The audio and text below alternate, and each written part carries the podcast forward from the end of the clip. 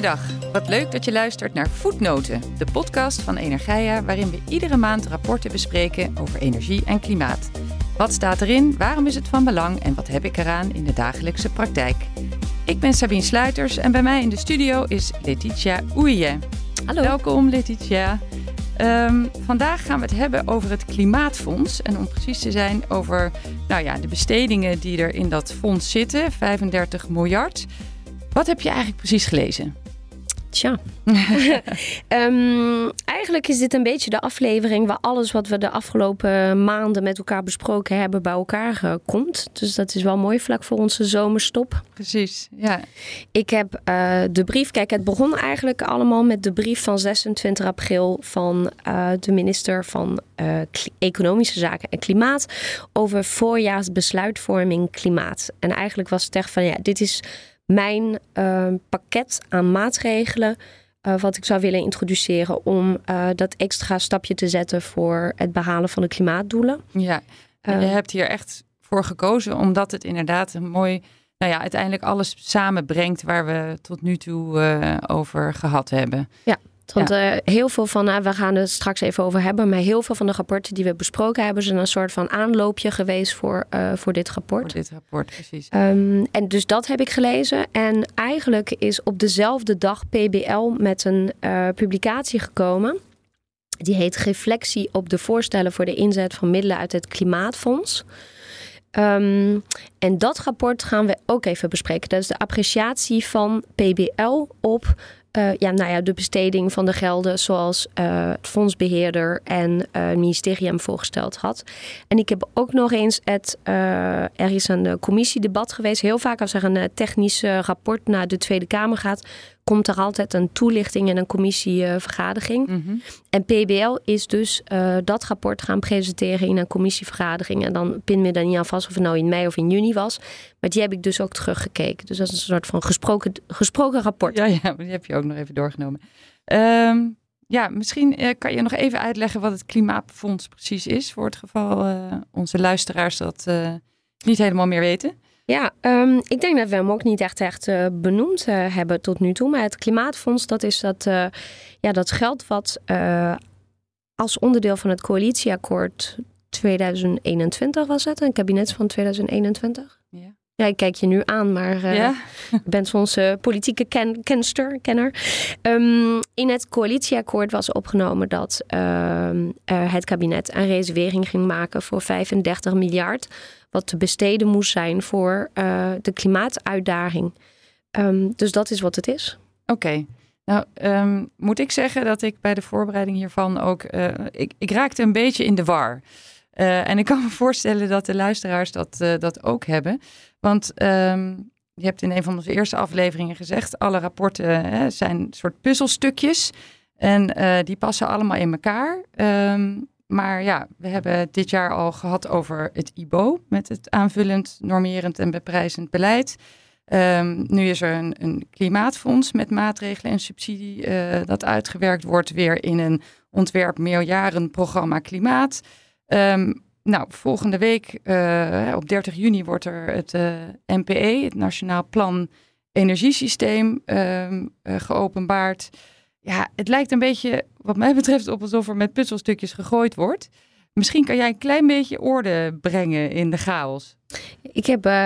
Ik moet zeggen dat ik het ook heel ingewikkeld vond. En waar ik meestal uh, precies weet waar het puzzelstukje voor dient, moest ik deze keer een paar keer gewoon toch even nabellen met uh, verschillende mensen om te vragen van ja, hoe moet ik dit precies zien? Ja, ik voelde het, het enorm de, de uh, behoefte om op een groot bord alles op te schrijven van dit hoort hier, dat was toen. En... Ja, en wat super jammer is, is dat als je een commissiedebat bekijkt online, dan zie je um, soms, uh, dat is echt wel een tip voor, uh, voor de Tweede Kamer, maar je ziet soms uh, zetten ze de slides niet in de online presentatie. En um, een van de ambtenaren van EZK heeft een uh, presentatie gegeven bij het commissiedebat, waarin ze gewoon echt in fases had aangegeven van dit is waar we staan nu in het proces en dit is hoe het past in het grote geheel. En ik heb echt wel een paar keer bij het ministerie gevraagd van ja, zou ik alsjeblieft deze presentatie mogen ontvangen? Die stonden ook niet in bijlagen aan de, bij de stukken. En ik denk dat dat wel echt uh, verhelderend zal werken. Want het lijkt wat je zegt, alsof er gegooid wordt met puzzelstukjes, maar het is wel een logisch geheel. Oké, kan je dat logische geheel nu even gaan proberen? Zonder dat ik de slides gezien heb. Maar ehm, nou, kijk, wat er gebeurd is, is ehm, ooit in het uh, klimaatakkoord was er een afspraak gemaakt dat wij naar 49% CO2-reductie zouden gaan. Ja. Vervolgens uh, werd er vanuit Brussel gezegd van ja, nee, we gaan het doel verhogen. En dat zou uh, doorvertaald kunnen of moeten worden naar een CO2-reductie in Nederland niet van 49%, maar van 55%. Waarvan het kabinet heeft gezegd 55% zoals we weten in de KEF. Dat is altijd echt een hele grote bandbreedte. Vanuit hand een beetje af van wat het weer gaat doen. Hoe de economische omstandigheden er zijn. Dus eigenlijk wil het kabinet uh, mikken op 60%. Ja. Een tijdje terug, echt een hele tijd terug, is Laura van Reest uh, die we kennen van het IBO, mm -hmm. is met een eerste rapport gekomen met uh, op weg naar, wat was het, uh, Parijs of weet ik wat. En dat was, wat moet er dan gebeuren, zeg maar? Wat is de uitdaging tussen de 49% en de 55%? Wat, wat houdt dat in? Vervolgens is het IBO, die we besproken hebben een aantal afleveringen geleden, is gekomen, ergens in januari geloof ik, of februari, is gekomen met een uh, pakket aan maatregelen die je zou kunnen nemen in de sfeer van beprijzen en normeren. Dus niet subsidie gewoon naar bedrijven en naar transporten, weet ik wat, toegooien, maar zeggen van wat zouden we aan aanvullende normen kunnen stellen uh, in Nederland, zodat we gewoon wel een hele eind komen richting de 55% of de 60%. Dat IBO, dat vormt puzzelstukje nummer 1. Ja. Vervolgens um, zijn er in het uh, coalitieakkoord en in het klimaatfonds zijn er vijf percelen. Komen we straks even op uit. Percelen moet je denken, het is gewoon een thema. Een gebied, dus kernenergie is een perceel en infrastructuur is een perceel. Uh, voor elke van de perceel was er een perceelhouder binnen de ministeries. En die moesten uh, fiches gaan maken dat zijn fiches. Het is echt helemaal het woord van tweede. Eh, nooit heeft iemand het gehad over fiches, behalve Holland Casino. Ja. Maar het is nu helemaal het ambtelijk woord van uh, eh, 2023. En bij de fiches, dat zijn eigenlijk voorstellen waarin ze binnen hun perceel, dus binnen het perceel infrastructuur, wat zijn allemaal voorstellen die je zou kunnen doen? Uh, wat zou het kosten en uh, wat voor effect verwachten wij ervan? Mm -hmm. um, ik noem er maar één. Uh, weet ik wat, uh, bij infrastructuur, uh, warmtenetten. Dan, per perceel staat er ook een soort van... wat willen we met dit perceel behalen? Wat is onze doelstelling? En wat is de afbakening van het perceel? En daaronder hangen er allemaal voorstellen. Nou, die voorstellen die zijn allemaal ingediend bij de fondsbeheerder. En de fondsbeheerder van het Klimaatfonds, dat is de directie Klimaat. Dus ministerie Klimaat en Energie. En ministerie van Financiën. Die hebben er samen gekeken, die hebben daar een oordeel over geveld. Die hebben sommige dingen afgewezen, sommige dingen gezegd van nou, dit is matuur genoeg om in het meerjarige begroting van 2024 uh, eh, te komen. Voor anderen hebben ze gezegd van nou, goede richting, doe even je best, indien opnieuw in 2025 in. Of voor, sorry, in 2024 voor 2025 in. Ja. En andere dingen zijn dus afgewezen. Dit geheel is naar PBL gegaan, uh, omdat PBL de rekenmeester is. Dus wij weten dat één keer per jaar doet PBL de KEF. Dan uh, rekenen ze op basis van beleid, bestaan, voorgenomen beleid, berekenen ze van ja, hoe staan we ervoor qua klimaatdoelen.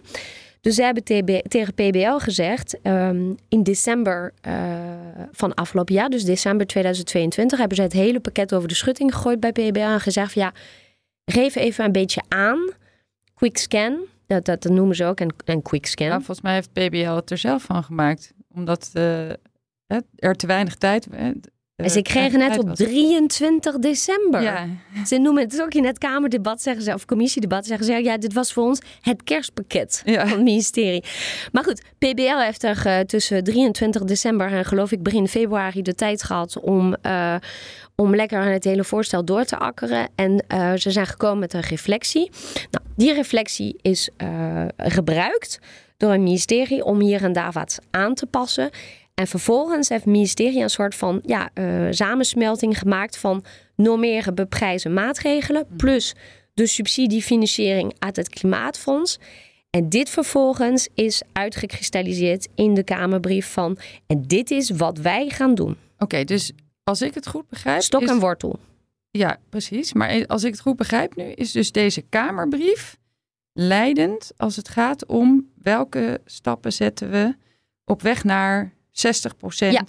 CO2-reductie Dat is het plan. 2030. Ja. De Kamerbrief. De Kamerbrief. En dan hebben we het NPE. En dat is natuurlijk het grote, eh, grote kritiek ook van PBL. Die had ook zoiets van... Ja, we hadden ook liever gehad dat er eerst een Nationaal Plan Energiesysteem zou komen. Zodat wij die zouden kunnen gebruiken als basis voor alle voorstellen die jullie naar ons toe gegooid hebben. Precies, ja. Maar ja, weet je, het is eenmaal... Ik denk dat bij het ministerie ondertussen iedereen eh, tegen een burn-out aanzit. Van ze hebben nog nooit zo hard gewerkt als nu. Moet heel veel geproduceerd worden. Ik heb onwijs veel ontzag voor de, brie- eh, voor die, eh, de teams die dit doen. ja. En eh, ja, ze zijn heel hard bezig met het Nationaal Plan Energiesysteem. Maar als het goed is, zijn het ongeveer dezelfde mensen, dezelfde directie. Dus ik verwacht zelf wel dat er heel erg veel samenhang zal zijn. Mag het wel hopen, ja. En de, de Nationaal Plan Energiesysteem, dat wordt zeg maar de strategie. Dus wij hebben nu de begroting gekregen voordat we de strategie hebben. Maar ik verwacht niet dat we in de strategie hele andere dingen gaan zien dat er in de begroting staan. Oké. En eh, ja, wat gaat er nu gebeuren hiermee? Dit gaat straks eh, zijn eh, weerslag vinden in de begroting Mhm. van, van de overheid. En dit wordt vervolgens op Prinsjesdag aan de Tweede Kamer aangeboden. Oké, nou dat is dan duidelijk. Laten we maar eens even erin duiken, lijkt mij. Ik vind het trouwens wel echt heel aardig dat je zegt dat duidelijk is. aardig, hè? Ik hoop dat de luisteraars Doe het duidelijk vinden. Ehm, ja, er zit dus 35 miljard, dat is wel een hoop geld als je mij vraagt, in het Klimaatfonds. Wie hebben er eigenlijk voorstellen gedaan? Ja, er zijn allerlei ministeries eh, bij betrokken geweest. En nu heb ik het niet helemaal opgeschreven welke dat zijn. Maar je hebt eh, infrastructuur en dan heb je landbouw en dan heb je ehm, BZK voor eh, alles wat met de gebouwde omgeving te maken heeft. Dus ja, iedereen heeft een. heeft Maar het zijn allemaal gedaan. ministeries die Ja. voorstellen Ja. hebben gedaan. En ze hebben voorstellen gedaan dus voor subsidieregelingen. Ja. Hè? ja, want dat is eh, belangrijk. Ehm, ja, en nu heeft PBL dus een eindoordeel over dit pakket. Of klopt dat niet? Nee, ze hebben een tussenoordeel Oh ja, geveld. Dus ze hebben gewoon.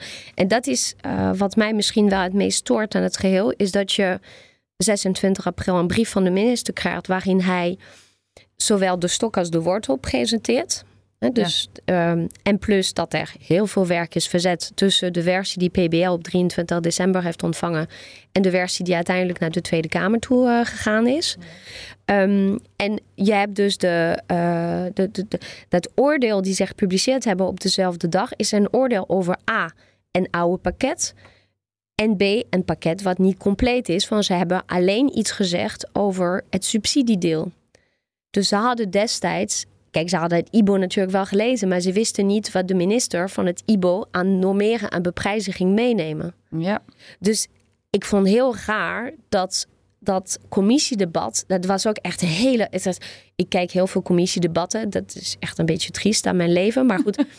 naast het rapport te lezen, kijk je commissiedebatten. ja, en het was. Iedereen was gewoon in een soort van verwarring. Ja, Ze waren echt allemaal van ja, maar wat, maar die wat moeten we dus ook. ermee? Ja, Eh, wat is dit? Ehm, dus ze hadden een best wel negatief oordeel van aan het. ah, sorry, ik ehm, sla mijn eh, microfoon van de emotie. Maar er staat aan het, eh, op bladzijde 100 eh, en 101 van het rapport van PBL staat een tabel waarin ze een samenvatting hebben gegeven van hun oordeel over de plausibiliteit eh, van de effecten op CO2 van al de voorstellen die de ministers hadden gedaan, zeg Ja. maar. Dus in hoeverre kan je geloven dat we hier CO2 mee gaan besparen?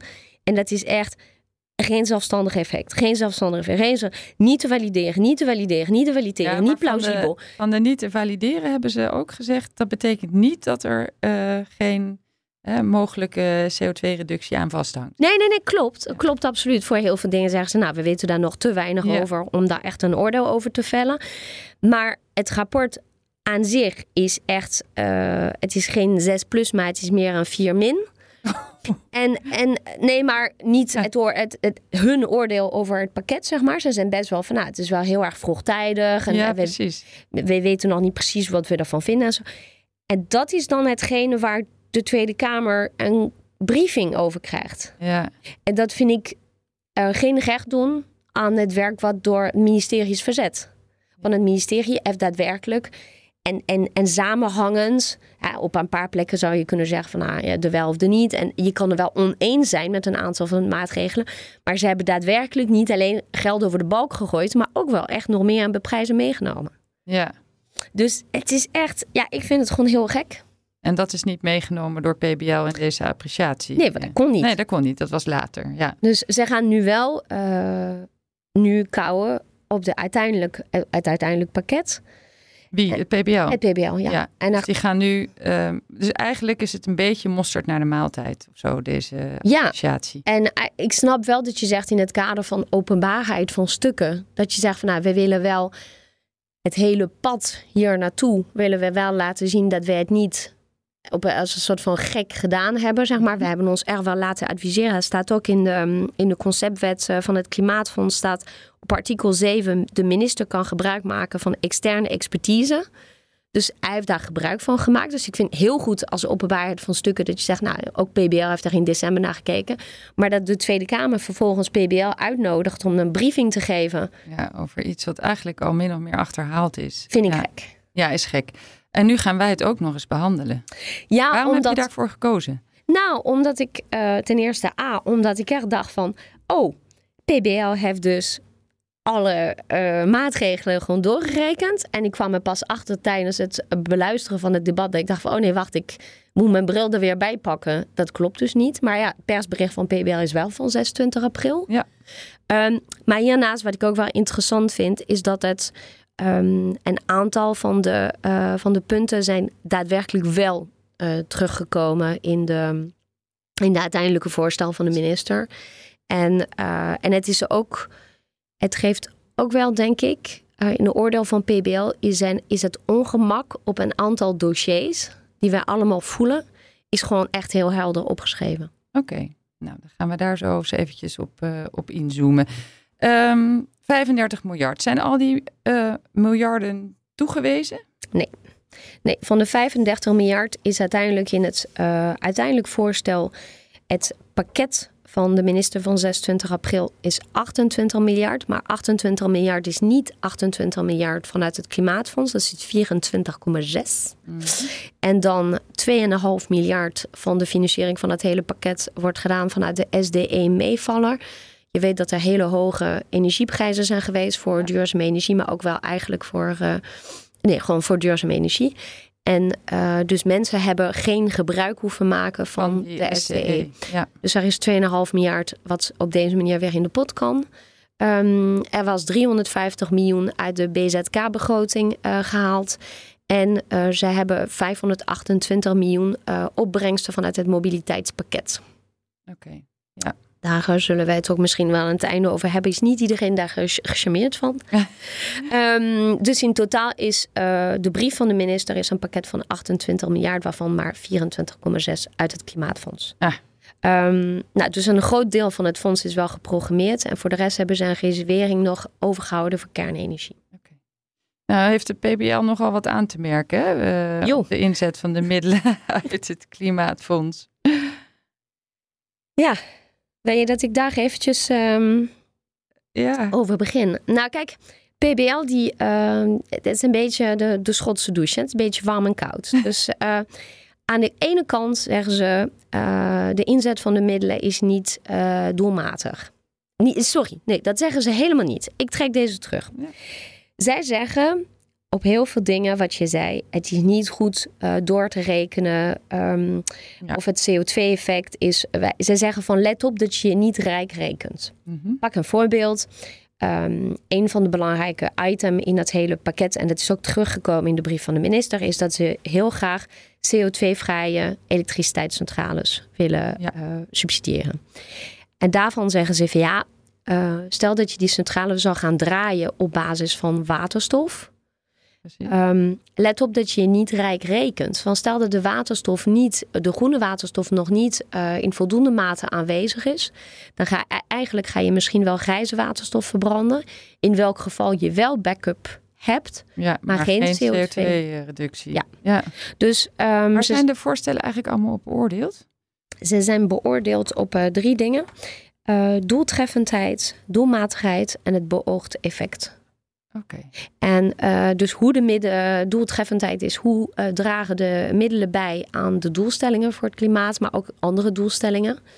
Eh, zoals bijvoorbeeld diversificatie van het, uh, van het aanbod of van uh, dat soort dingen. doelmatigheid is, um, ja, haal je doel met zo weinig mogelijk middelen. Dus ben je niet gewoon met hagel aan het schieten, terwijl je gewoon veel doelmatiger gaat kunnen schieten. Ja. En het beoogde effect is, um, ja, het is heel vaak gewoon CO2-reductie. Dus hoeveel CO2-reductie denken we hier mee te kunnen behalen? Ja. En hiernaast heeft de minister een hele waslijst aan vragen aan PBL uh, gestuurd. Van, uh, en hierna zou ik even nog willen dat je naar deze vragen kijkt. Dus er staat ook een bijlage met alle vragen die daarnaast gesteld zijn. Voor sommige vragen heeft PBL gezegd, ja, leuk dat je dat vraagt, maar we hebben hier echt geen tijd voor. Of we weten er te weinig over. Of we wachten nog op het NPE of weet ik wat. Ja, precies. En voor een aantal anderen hebben ze gewoon daadwerkelijk antwoord gegeven. Oké. Ja. Nou, um, maar ja, ik, ik had het over dat, dat. Dus voor heel veel dingen zeggen ze. Het is, hè, het is uh, nog uh, te onduidelijk, uh, te, te prematuur, we kunnen niks zeggen, bla bla bla. Aan die andere kant hebben ze echt bij de Tweede Kamer, maar ook in hun rapport, een paar keer gehamerd met. Um, de inzet van de middelen is niet ondoelmatig. Mm -hmm. um, we gaan een grote verbouwing van Nederland doen. En het is een illusie om te denken dat je dit kan realiseren zonder dat er een cent te veel wordt betaald. En dat Ja. vind ik wel een hele belangrijke. Ze zeggen van ja, weet je, eh, klopt het op de cent na? Nee. Nee. Maar live with it. Ja, precies. Ja. Ehm, We, moeten dus dat, we moeten dat een beetje ruim nemen misschien. ja, dus de, dat tabel is, is, eh, is gewoon geen, eh, is geen fijn tabel en niet plausibel. En, eh. Maar eigenlijk als je gewoon de, de beoordeling daarnaast, dus het tabel lijkt een 4 min, maar bij de beoordeling daarnaast zeggen ze even, ja weet je, dit, dit, dit is as good as it gets. Precies. Oké.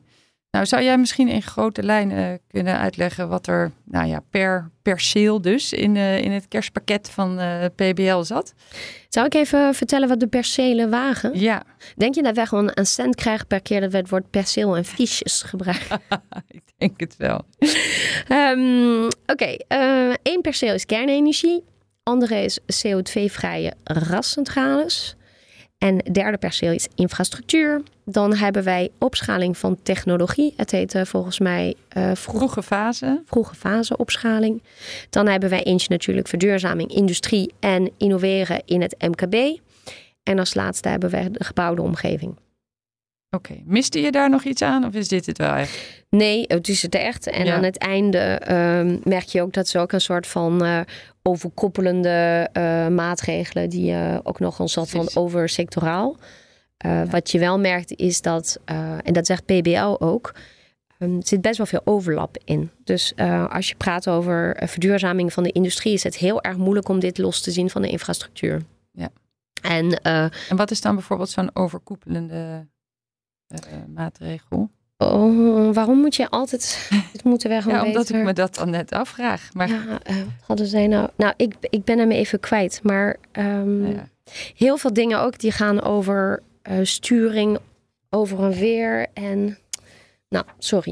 Nou ja, in ieder geval iets wat voor alle percelen geldt. eh, Ja. En op Ja, elk- of verschillende of verschillende percelen Ja, en ja, dan ja. daar effect op heeft. Ja. Ja. precies.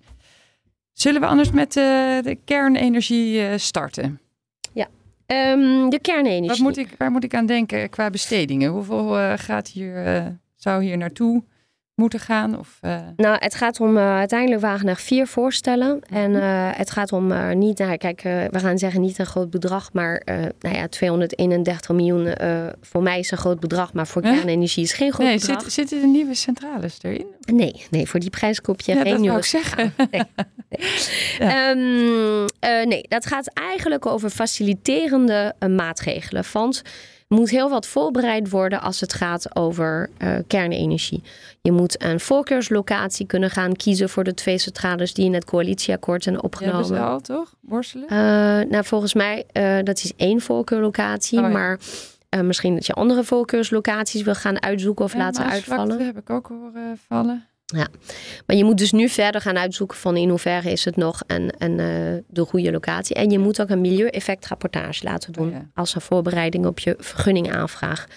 Dus ehm, nou, dat zijn uh, de voorbereidingen voor de bouw. Uh, en analyse doen bijvoorbeeld van welke financieringsvorm past hier het beste bij. We hebben een tijdje gehad over, um, een tijdje geleden hebben we het gehad over het feit dat ehm, dat geld wat gereserveerd is voor kernenergie is niet gereserveerd om een kerncentrale met uh, rijksmiddelen volledig te bouwen, maar om de rijksmiddelen te gebruiken om de financieringslasten van de kerncentrale te ver verlagen, zodat de energie iets minder duur wordt wat geproduceerd wordt.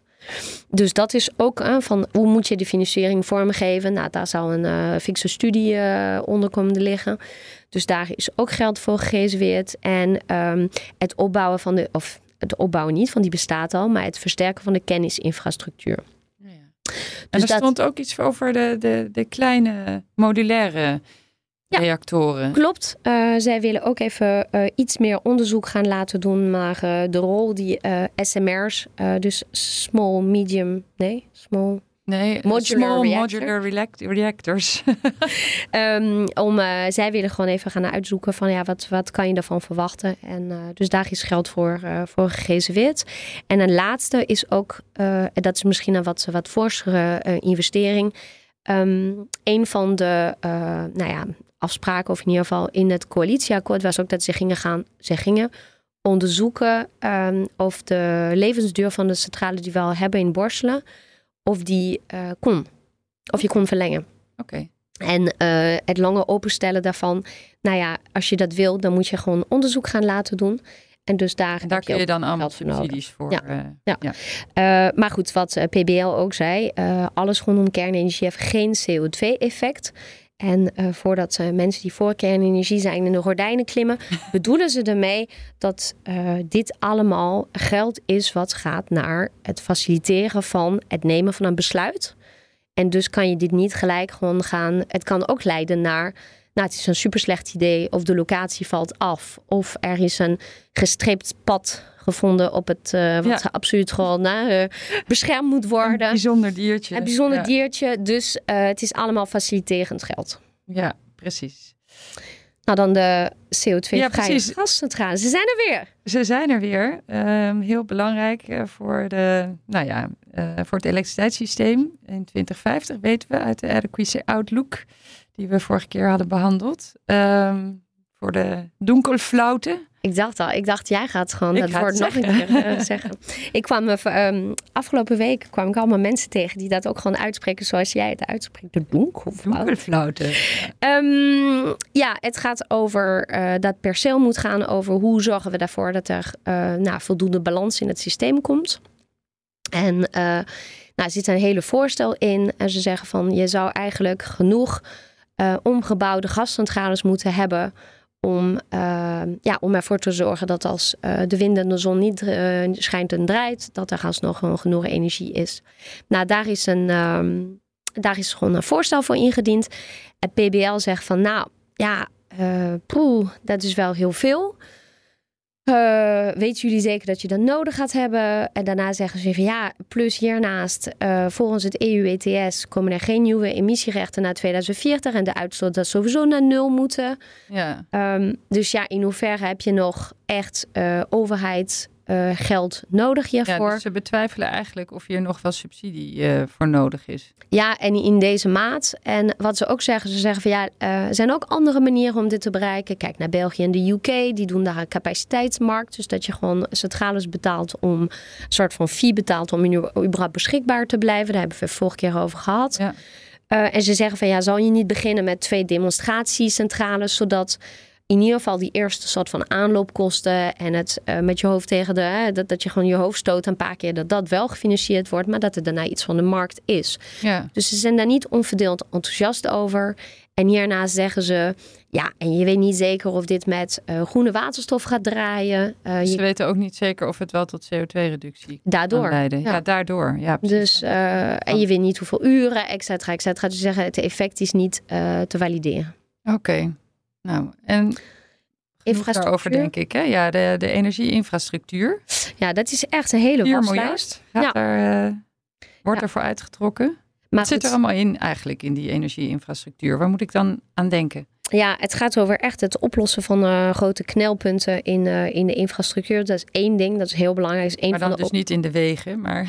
Nee, nee, in de energieinfrastructuur. Even voor de luisteraars. Dus um, je hebt uh, de operationele doelstellingen van dit perceel. Dat is echt uh, goede uitrol van H2, uh, waterstofinfrastructuur, ja. maar ook laadinfrastructuur. Ja. Wij willen heel veel elektrische auto's en vrachtwagens dus op de weg. heel veel laadpalen, ja. laadstations, laadpunten. Laadpleinen. Ja. ja, en um, voor de rest zeggen ze van... Warmtenetten zitten er ook in. Zitten er ook in. Uh, waterstofnet op zee, al is het maar in heel mondjesmaat teruggekomen in het uh, uiteindelijke voorstel van de minister. Maar dit zit, waterstof op zee zit in de vroege fase, toch? Uh, ja, nee, waterstof op zee productie zit in de vroege fase. Maar dit gaat over het geschikt maken van het gasnet ah. die wij nu al hebben. Of misschien het bouwen ja. van nieuwe verbindingen om uh, de waterstof op te halen die wij op zee willen gaan uh, gebruiken. Dat is wanneer wij uh, wind op zee gaan omzetten in waterstof en die terugbrengen naar land. Ja. Um, en energieopslag zag ik er ook bij staan. Zit er ook bij. En warmtenetten. En, maar moet ik dan denken aan batterijen? Of wat, Ja, batterijen. Uiteindelijk is in het uiteindelijk voorstel van de minister is er en bijvoorbeeld een verplichting opgenomen om batterijen bij grote uh, ja, zonneparken, bij zonneparken, op te nemen. Ja. En uh, wat heb ik nog meer? Oh ja, het uh, de-riskifier. Dus gewoon het risico's weghalen bij waterstofopslag. Ja. Daar is 125 miljoen voor opgenomen. In ieder geval in het voorstel die door PBL is bekeken om 10 cavernes alvast, nou ja, om daar even de risico's weg te nemen zodat daar uh, mee uh, begonnen kan worden. Ja. Maar ze hebben echt, uh, kijk, het is niet alleen maar, het is ook wel belangrijk om te zeggen, het is eigenlijk vooral ook weer faciliterend uh, geld. Dus bijvoorbeeld bij het oplossen van knelpunten in de elektriciteitsnet zeggen ze, dit is geen verkapte investering in de fysieke infrastructuur, vandaar is een andere Mhm. mechanisme voor. Maar het gaat echt over het oplossen van knelpunten, zoals, ehm, ik noem maar wat, de arbeidsmarkt. Ah, oké. Okay. Ja, zonder uh, monteurs, uh, ja, ja, geen ombouw. Nee, en hulp aan gemeentes en zo met ja. vergunningen. En, uh, te, te doen. Dus dat is een belangrijk pakket, denk ik. Belangrijk pakket, ja. Ik, ik zag ook dat erbij stond dat het mogelijk is om de middelen misschien, hè, die, die vanuit het Klimaatfonds worden verstrekt, om die op termijn weer deels misschien te laten terugvloeien in de staatskas. Dus denken ze, bedoelen ze dan dat de subsidie moet worden terugbetaald? Ja, dat is altijd die, die, die paniek die wij, uh, die, wij die jullie, jullie in Nederland hebben. Met dat het gewoon Hollanders. een cent te veel wordt uitgegeven. Ja. Dus dat is wel, dat vind ik ook wel even Maar dat wordt hier expliciet gezegd. Ja, dus PBL zegt wel als eindoordeel. Ja, hè, je kan niet zeggen dat elke cent gewoon precies doelmatig gaat zijn. Je moet toch een beetje met de, hoe noem je dat, de...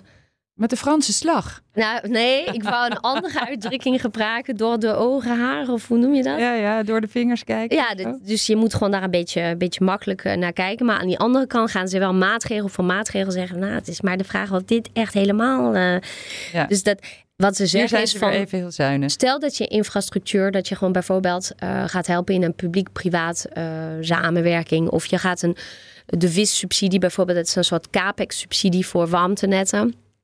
Stel dat uiteindelijk het warmtebedrijf voldoende uh, mensen gaat aansluiten op het warmtenet. Stel dat er gewoon helemaal niet sprake is van uiteindelijk een, een, een groter risico, een volop risico. Dan zou je kunnen zeggen van ja, weet je, moeten we niet een mechanisme vinden om achteraf te zeggen van nou ja, we kom even, even terug hier met het geld of een deel van het geld. Ja.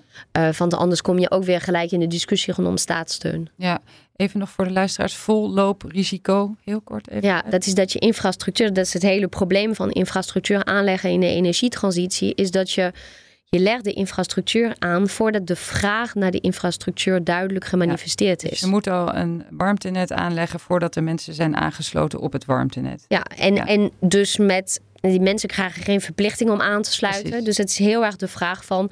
Kun je het wat terugverdienen, die investering? Ja, ga ik hier 10%, 30% of 100% van, de, van een wijk bijvoorbeeld ja. aansluiten? Maar het is hetzelfde met, met waterstof. En de waterstof is er nog niet. Nee. Um, en je gaat straks een hele backbone bouwen. En uh, ja, uh, ja Wordt er fingers crossed. aangebouwd? Of is dat... Uh... De backbone? Ja. Dat, uh, ik denk dat in ieder geval in de laatste waterstofkamerbrieven of zo, dat er gewoon alle seinen op groen zijn. Maar of er daadwerkelijk nu al oh, fysiek iets gebeurt. Schop in de grond is. Dat, uh, dat weet ik niet. Ik ben sowieso de laatste tijd wat uh, in het waterstof ingedoken. Maar misschien is dat een, een mooie brug naar de, de volgende. De fase opschaling. Ja, en daar, gaat, daar is 15 miljard voor gereserveerd. Dat is echt de grootste. Grootste klapper. Ja. ja. Um, 39 voorstellen ja, wat wordt er verstaan onder vroege fase opschaling? Ja, zit, dat... er, zit er ook elektrolyse in? Ja, het is echt bijna alleen maar elektrolyse. Eigenlijk alleen maar. Uh, nou, niet alleen maar, maar wel heel veel. Er zit ook gewoon geothermie bijvoorbeeld in, wat ik ook best wel interessant vind. Want geothermie is wel een bewezen techniek. En kijk, dat het moeilijk van de grond komt, dat is één ding. Mhm. Maar uh, dat is toch wel anders dan uh, offshore elektrolyzers. Dat, ja. dat, de categorisering klopt volgens mij niet helemaal. Maar okay. Um, is dit nou Voldoet dit aan het trainingsschema waar je het in je column over had?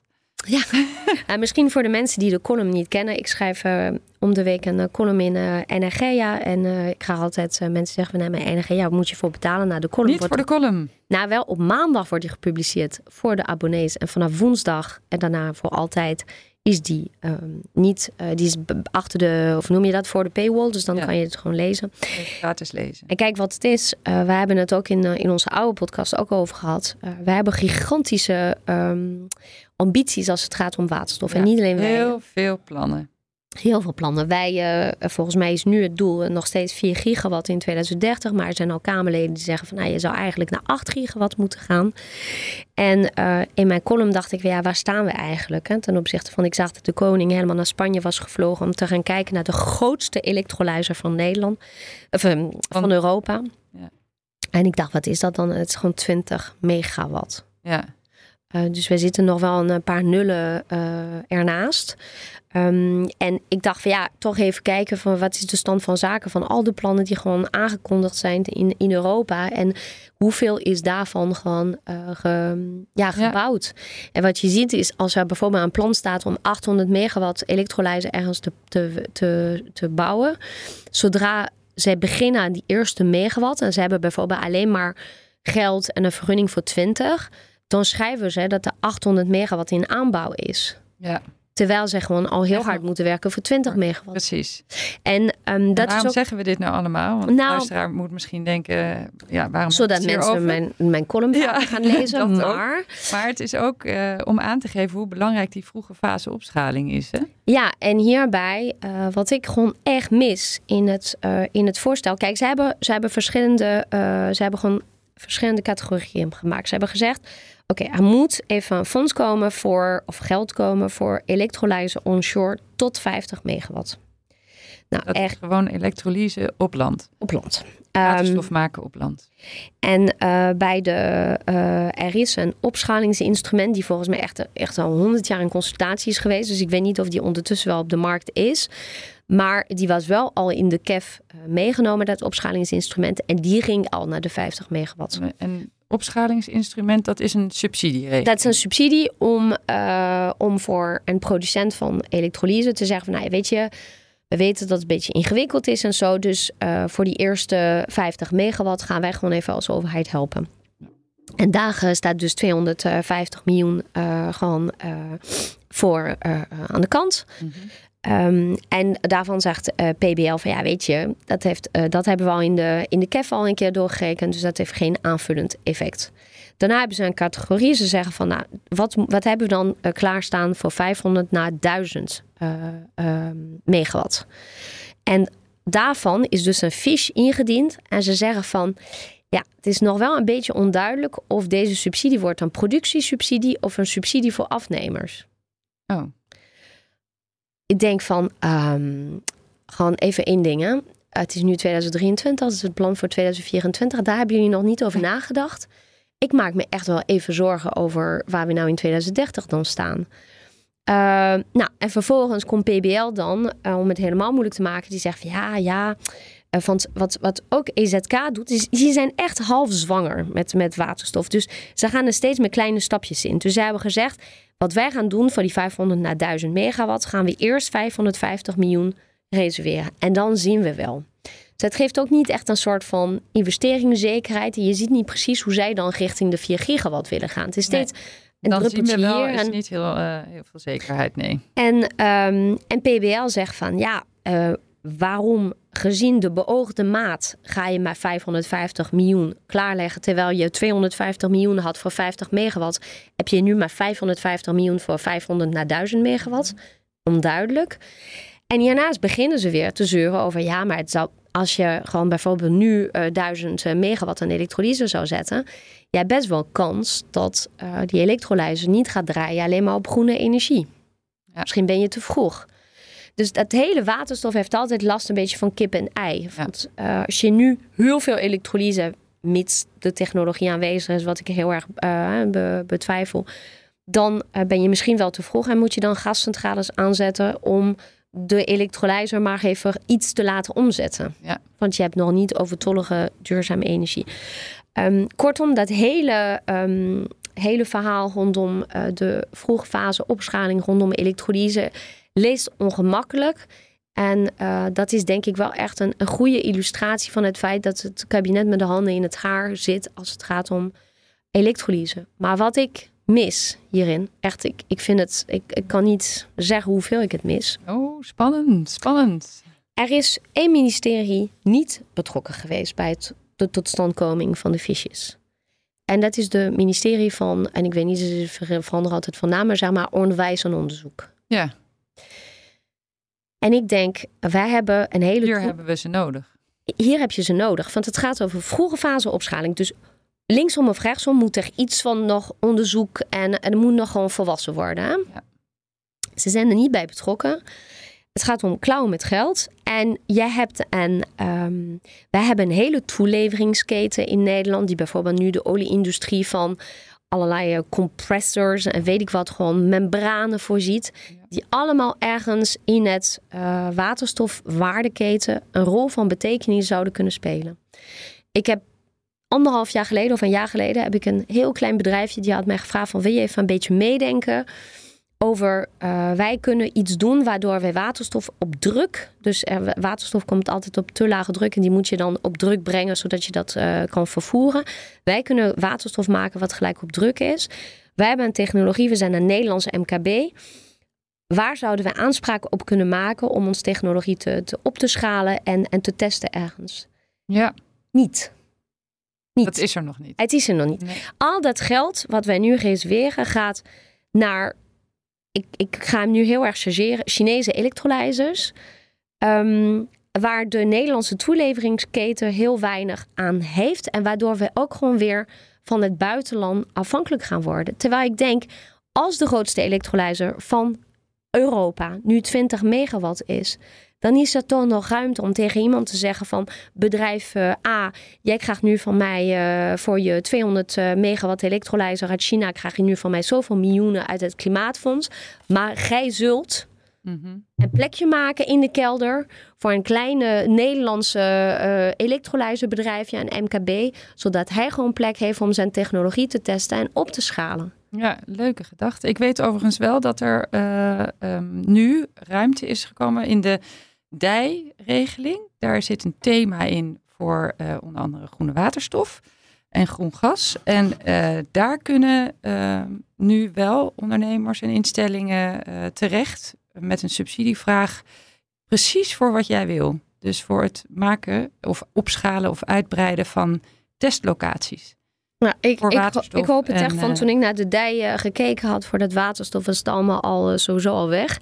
Ja. En een jaar geleden zag het er gewoon niet goed uit. En ik, eh, ik mis een beetje een, een soort van industriepolitiek hierin en een, een toekomstvisie. En we hebben denk Ja. ik te vaak gewoon last van, ja, maar China gaat het toch maken, dus we hebben de trein gemist. Ja, de trein is nog echt wel bij het station. Ja, oké. nou, heldere boodschap. Ja. Daar moeten we gewoon Het staat meer- allemaal niet in het PBL-rapport, maar dat hebben jullie dan van mij. krijg je er gratis bij. Kijk, nou, en voor de rest staan er, het is sowieso, als je maar één deel van het PBL-rapport, dan moet je eigenlijk de vroege fase opschaling lezen. Van dat is best wel interessant en het geeft je ook wel een beetje een beeld van hoe PBL zelf eh, kijkt naar de verschillende technologieën. Ze zeggen bijvoorbeeld bij offshore elektrolyse, voor, dat is voor tot 100 megawatt, is 380 miljoen. Dat is waterstof maken op zee. Ja, en dan staat er, Gebeurt ook nog niet. het is plausibel, mits de kosten voor offshore elektrolyse niet heel veel hoger liggen dan die van onshore elektrolyse. Ah.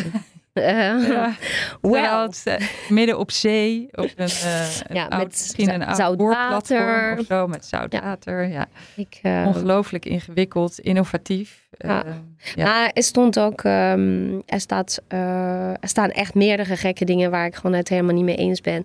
Staat bijvoorbeeld van bij groene ammoniakproductie en infrastructuur voor ammoniak nou, ammoniak is gewoon uh, slecht spul. Ja. het is gewoon heel uh, giftig. Maar goed, uh, groene waterstof zal zeer waarschijnlijk worden aangevoerd vanuit het buitenland in de vorm van ammoniak. En worden doorgevoerd naar bijvoorbeeld Duitsland in de vorm van ammoniak. Ja. En daarin zeggen ze van ja, het is niet duidelijk wat de meerwaarde hiervan is, zegt PBL. En um, ze vragen zich af of er een rol voor de overheid hierin is. Terwijl het zo een belangrijk onderdeel van de energietransitie gaat worden. Dus um, nou. Ja, bijzonder onderdeel. Uh, en een laatste wat mij uh, toch wel aan het hart gaat, is dat zij uh, warmteopslag in de, in de gebouwde omgeving. Um, dat de fondsbeheerder vindt dat het niet past binnen de scope van het perceel. Mm. Um, terwijl ik denk, ja, warmteopslag in de gebouwde omgeving is bijvoorbeeld zeer belangrijk als je gebruik gaat maken van zaken zoals zonthermie. Ja. dus als je zonthermisch. Als je warmte uit zonlicht ja. gebruikt ja, dan moet je het toch opslaan. Ja. Ehm, dus het is gewoon jammer dat het uh, een beetje geparkeerd Ik wou zeggen in de ijskast, maar het is een hele slechte woordspeling. is warmte opstaan. Um, Oké, gaan we door? Geothermie?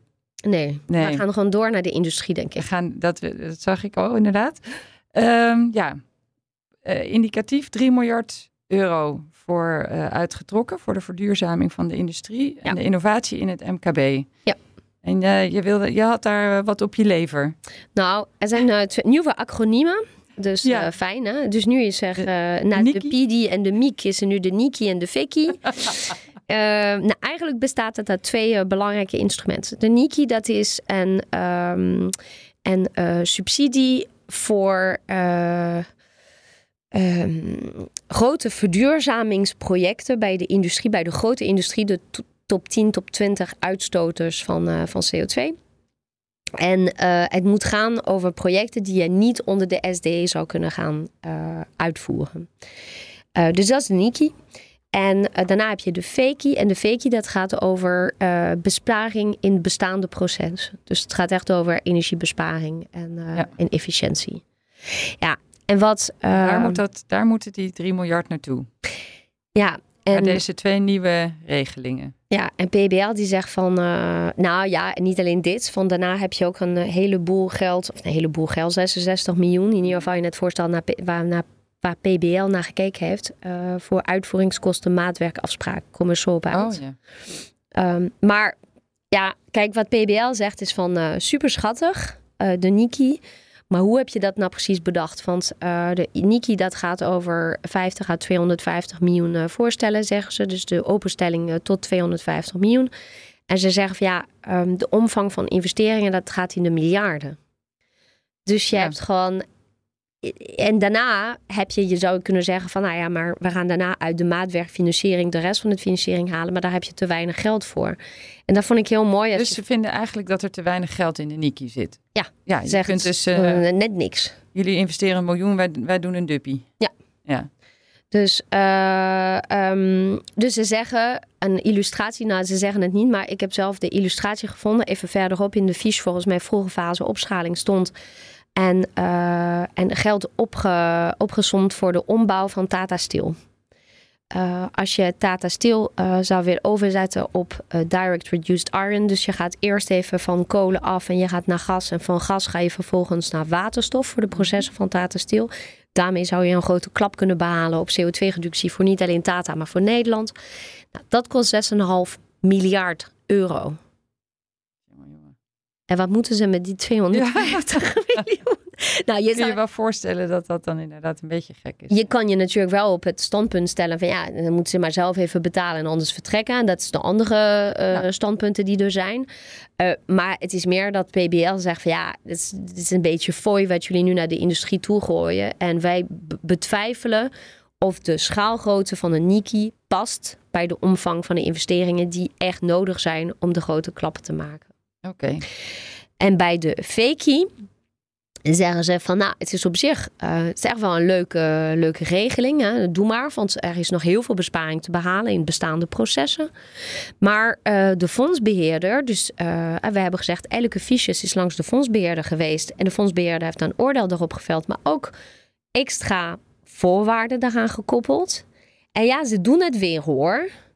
Ze zeggen, ja, maar dan krijg je het alleen als je een tweede maatregel neemt naast de energie-efficiëntie en je gaat overstappen op een andere energiedrager. Ja. En waar kennen we dat van? Ik weet het niet meer. Ah, dat was een quiz. quiz. quiz. We kennen het van de ISDE. De ISDE, dat is de subsidie voor huishoudens om iets te doen in hun huis. Waar jarenlang ah, ja, moet... je alleen subsidie had als je twee maatregelen aan huis nam. Ja, zijn ze op teruggekomen wel. Zijn ze een soort van half op teruggekomen. Maar nu gaan ze dit hetzelfde doen bij uh, de industrie, maar vooral bij de MKB. En daarvan zegt BBL van, joh, doe dat maar niet. Doe dat maar niet. Nee, en, en nou helemaal niet, niet bij de MKB, want hiermee is een MKB heel erg. Uh, kijk, stel je bent, uh, je bent in Limburg en je hebt een bepaald proces. En je wil eerst eventjes echt goed je best doen. Betere machines, uh, betere je processen beter op elkaar afstemmen. Zo waardoor je een bak en energie gaat besparen. Maar ze zeggen ja, maar je krijgt alleen het geld als je ook een elektrische boiler neemt. En je belt aan bij de netbeheerder en je zegt ik wil een aansluiting. Ja, en dan kan het En dan krijg je hem niet. Dan heb je niks. Nee. Dus PBL zegt van nou ja, hier moet je echt wel beter over nadenken. En ik zou zeggen van ga praten met de mensen van BZK die de, bij de ISD hetzelfde hebben meegemaakt. Is gewoon geen goed idee. En uh, nou ja, het laatste bak en geld gaat naar, en dat vond ik echt super interessant. Ik heb het ook echt twintig mensen geappt of zo, dat uh, printscreen. Maar uh, de uitvoeringskosten van een maatwerkafspraken fonds. Wij hebben ooit gesproken over de brief van minister Wiebus van 2020 en later de uitwerking van de brief door andere ministers. Er moeten maatwerkafspraken worden gemaakt bij de grootste uitstoters van Nederland. Van die hebben heel veel nodig. Die hebben infrastructuur nodig, voorwaardenvergunningen. En zij hebben hiervoor een expertpool nodig. En waarom heb je de expertpool nodig? Bijvoorbeeld de Niki, waar we het net over hadden, de grote subsidie voor de industrie. Die is gebaseerd op de onrendabele top. Die betaalt in principe 60% van de onrendabele top van een investering. Maar als overheid heb je altijd een kennisachterstand. Want ja, als ik industrie ben, dan, dan heb ik er alles ja. aan. Oh, dan ga ik de onrendabele overschatten. Ja, ja. En als overheid moet je wel je rol kunnen spelen en kunnen zeggen: Nou, is dat echt dat zo? Valt wel mee. Dus uh, zij stellen nu voor om 66 miljoen van dat geld uh, te reserveren. Om een expertpool van 40 FTE's aan te stellen bij het ministerie en bij de omgevingsdiensten die, uh, die dit soort berekeningen. berekeningen gaan maken. En er stond voor de vergunningverlening van Tata Steel heb jij, puntje, puntje, puntje, hoeveel vergunningen denk je dat je nodig hebt? Oh, ik heb echt geen idee. Een paar honderd. Honderd. Honderd, ja. Echt bizar. Het verbaast me niet. Het verbaast me ook niet. Van als ik zie wat je al voor een windmolen nodig hebt, dan, dan schrik je daar helemaal van. Maar, maar honderd vergunningen zijn er nodig. En ze zeggen, ja, weet je, dit gaat gewoon, het piept en het kraakt de organisaties. We moeten echt mensen aanstellen. Ja, ik snap het. Ja. We moeten even door uh, vanwege de tijd. Ja. Um, maar we kunnen heel kort zijn over de gebouwde omgeving. Ja, je wil wel nog even de gebouwde omgeving doen. Dat Dit is, mijn favoriete onderwerp. ik weet het, ik weet het. Dus maar nou, kijk, in het kort dan. Nou, wat PBL zegt, is ze zeggen van uh, fondsbeheerder, met alle respect. Um, het is niet aan jullie om het beleid van minister van BZK opnieuw te schrijven of te beoordelen. Want uh, wat BZK heeft gedaan is dat een groot deel van uh, hun bestaande beleidsinstrumenten hebben ze dus zat van ingebracht. Want ze zijn al vanwege de energiearmoede zijn ze al gaan rennen, zeg maar. Ja. Dus nu uh, brengen ze een aantal dingen die al beleid zijn, brengen ze in als ja, hier hebben we nu compensatie uit het fonds nodig. Ja, ja. En uh, de fondsbeheerder die gaat allerlei elementen uit het beleidsprogramma Versnelling, Verduurzaming, Gebouwde Omgeving ter discussie stellen. Dus die zegt bijvoorbeeld, ja, uh, even voor de goede orde, uh, voor al die mensen daar in de energiearmoede, de onrendabele top van de investeringen in isolatie is afgenomen door de stijgende energieprijzen. Mm -hmm. En de PBL zegt, nou, dat is wel een beetje een, primat van, een premature conclusie. Want je zegt, dat je mensen die geen geld hebben, het kan zijn dat je elke dag denkt van ja, als ik het geld had, dan was mijn investering er wel gaan renderen in mijn warmtepomp. Maar geld wat je niet hebt, ja heb je gewoon niet. Dus um, daarvan heeft de PBL is heel streng opgetreden. En heeft gezegd, ja, kom op jongens, uh, je ziet niet hier, uh, je hebt de kennis er niet voor. Dus zit alsjeblieft niet op de stoel van de, van de minister van BZK. Ja. En terecht, ben het mee eens. Oké, je bent het ermee eens.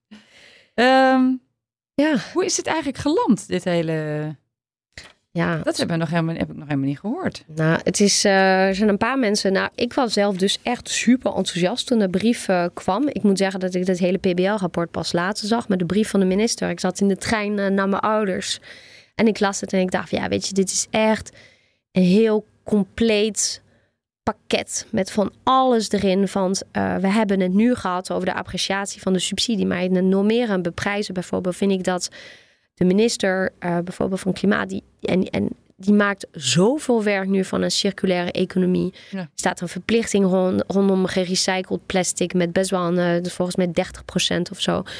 Um, zij, zij zetten echt stappen. Ja. Um, zij hebben zich echt laten inspireren door de expertpool als het gaat om de industrie. En je kan er van alles van vinden, maar ik, ik was zelf echt heel trots. Ik vond dat er echt heel veel werk was verzet.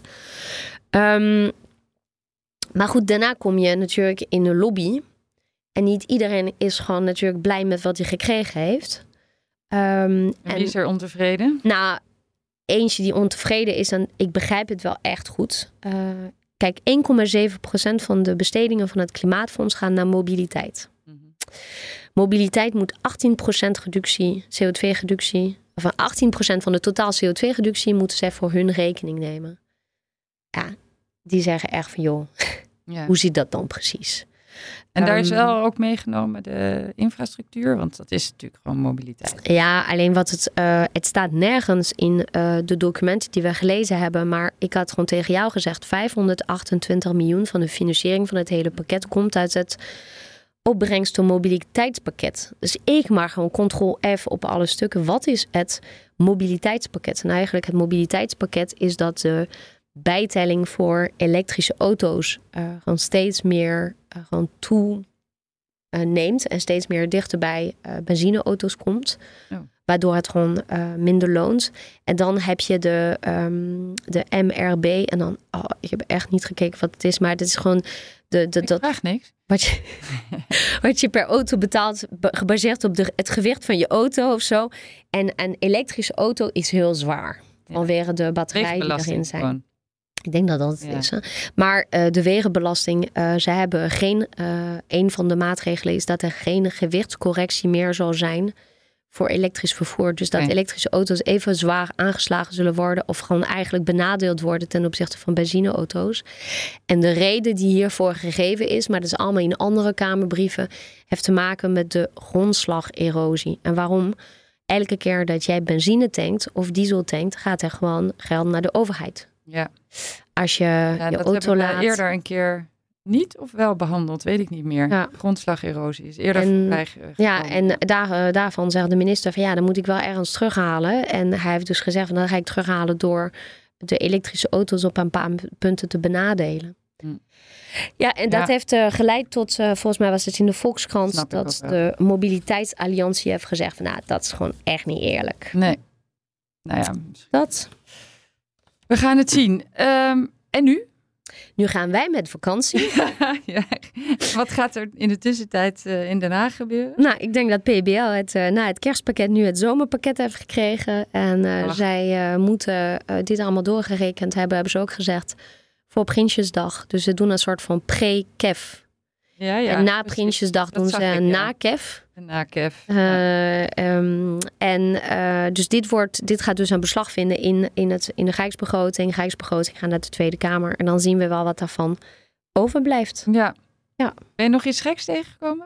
Ik, ik heb heel veel gekke dingen tegengekomen. Waar ik het gewoon vooral niet mee eens was. En misschien moet ik maar even mijn stokpaardje gelijk bereiden. Maar ik stond bijvoorbeeld dat um, er is iets uh, geschreven door PBL over VVE's. Want een van de voorstellen van BZK is dat er rentekorting zou zijn voor uh, Vereniging van Eigenaren. Zoals je weet is dit uh, mijn ja. uh, thema. Ja. En uh, PBL die heeft daar gewoon een hele analyse van gemaakt. En ik denk van geen van jullie woont in een VVE. Nee, dat merkte je. ik was er echt heel boos. Ik heb ook gezegd dat ik er heel boos over was. Dat niemand ervaringsdeskundige is. Nee, dus, nee. dus uh, nee, voor de rest niet echt. Nee. Okay. Dankjewel, Letitia. Dan zijn we alweer um, aan het einde van de zesde aflevering van Voetnoten, de podcast waarin we taaie rapporten in hapklare brokken opdienen. Um, we gaan nu eerst even met vakantie. Uh, en in augustus zijn we weer terug met een volgende aflevering. Heb je een vraag of een opmerking naar aanleiding van deze aflevering? Laat het dan ons weten via de socials. Misschien moeten we ook zeggen waar we het volgende keer over gaan hebben. we weten het al. Ja, nou zeg het maar. Het Nationaal Plan Energiesysteem. Oh, jij dacht met vakantie te gaan? Nou, ik hoorde door de, de roddelhangen dat er gewoon een bijlage is van iets van 400 bladzijden. Oh, dus vakantielectuur.